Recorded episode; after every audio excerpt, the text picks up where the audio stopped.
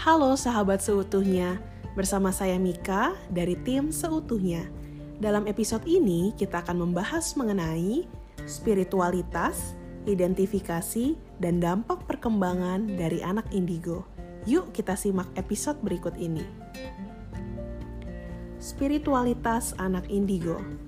Setiap makhluk hidup memiliki energi vital atau chi yang mengalir masuk dan keluar dari tubuh melalui nafas, pori-pori, serta berbagai pintu yang dibuatkan cakra. Terdapat tujuh cakra yang dimiliki manusia dan saling berputar dengan kecepatan yang berbeda, tergantung tugas yang dimilikinya. Cakra yang berfokus pada materi berputar lebih lambat daripada cakra spiritual. Sinar yang bergerak cepat dapat menghasilkan warna hangat, seperti merah, kuning, orange. Sedangkan semakin cepat perputaran memiliki warna yang lebih dingin, yang dipersepsi dengan warna ungu. Ungu adalah warna dengan kecepatan paling tinggi. Setiap masa memiliki warna dominannya masing-masing. Sampai di tahun 1990-an, minat terhadap spiritualitas semakin meningkat banyak film dan acara televisi yang mengusung tema indera keenam, menceritakan mengenai malaikat, roh-roh halus, paranormal, dan kehidupan setelah kematian. Anak yang lahir dengan memiliki sinar indigo dapat disebut dengan anak indigo. Mereka sangat spiritualis, memiliki visi spiritual dan kemampuan indera keenam. Berdasarkan buku Psikologi dan Pendidikan Anak Berkebutuhan Khusus yang ditulis oleh Ibu Frida Mangunsong di tahun 2016, terdapat beberapa kriteria dari spiritualitas yang dapat kita temukan dari anak indigo. Yang pertama, mereka mampu untuk melihat roh atau makhluk lain. Biasanya mereka dapat melihat malaikat, teman ajaib, sosok yang menyeramkan yang tidak dimiliki atau tidak dapat dilihat oleh manusia secara umum. Mereka juga biasanya memiliki kemampuan untuk melihat masa depan dan merasa pernah mengalami kehidupan di masa yang lain.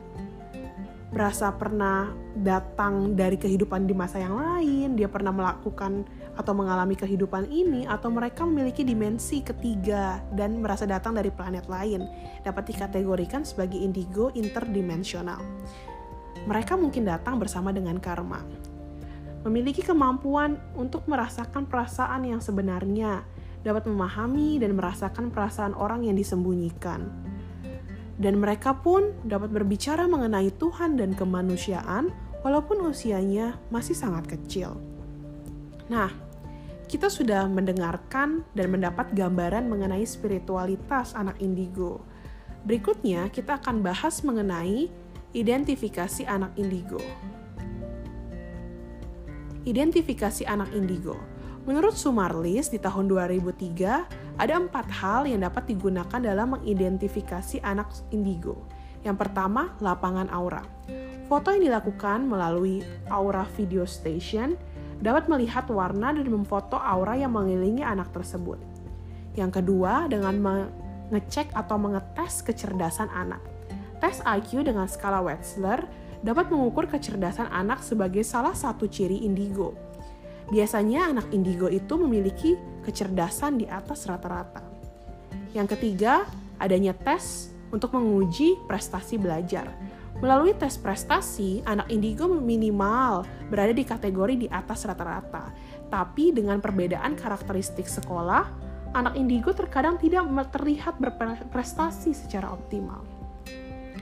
Karakteristik anak indigo biasanya memenuhi 14 kriteria setidaknya. Saya akan menyebutkan beberapa karakteristik anak-anak indigo. Nah, biasanya kalau anak indigo ini memiliki 14 di antaranya. Yuk kita dengarkan. Yang pertama, berkemauan kuat. Kedua, lahir setelah 1978 dan setelahnya. Yang ketiga, keras kepala. Empat, kreatif apalagi dalam bidang seni. 5. Mudah teradiksi. 6. Old soul. Usianya 13 tahun tapi seolah memiliki pemikiran dan bersikap seperti usia 43 tahun. 7. Spiritualis. 8. isolasionis atau bertingkah laku agresif. 9. Independent. 10. Punya hasrat untuk membantu dunia. 11. Mudah bosan. 12. Berada pada harga diri yang rendah dan perasaan yang besar. 13. Pernah didiagnosa ADHD. 14. Mudah insomnia, sulit tidur karena mimpi buruk. 15. Punya sejarah depresi atau pernah berniat untuk bunuh diri. 16 mencari persahabatan yang real. 17.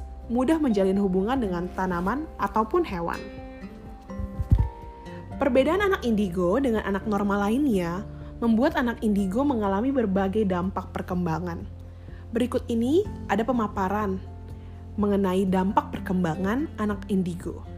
Yang pertama, menurut Frida Mangunsong di tahun 2016, yang pertama adanya menuntut perhatian lebih dan merasa bahwa hidup terlalu berharga jika dilewati dengan hal yang biasa saja. Biasanya mereka memaksakan situasi terjadi sesuai dengan harapan mereka, menyebabkan orang tua terjebak untuk mengikuti kemauan anak.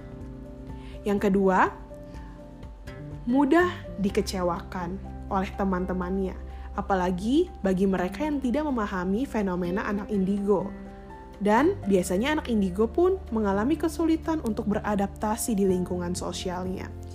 Yang ketiga, sering dilabel dengan anak ADHD atau memiliki hiperaktivitas. Dapat membuat anak tersebut tidak mampu menyadari kelebihan yang dimilikinya. Nah, kita sudah belajar nih mengenai spiritualitas, identifikasi, dan dampak perkembangan dari anak indigo itu sendiri. Bagaimana? Apakah cukup jelas? Untuk lebih mendapatkan pemahaman yang utuh, kita sambung ya di episode berikutnya. Perjalanan seutuhnya, know, learn, and apply better.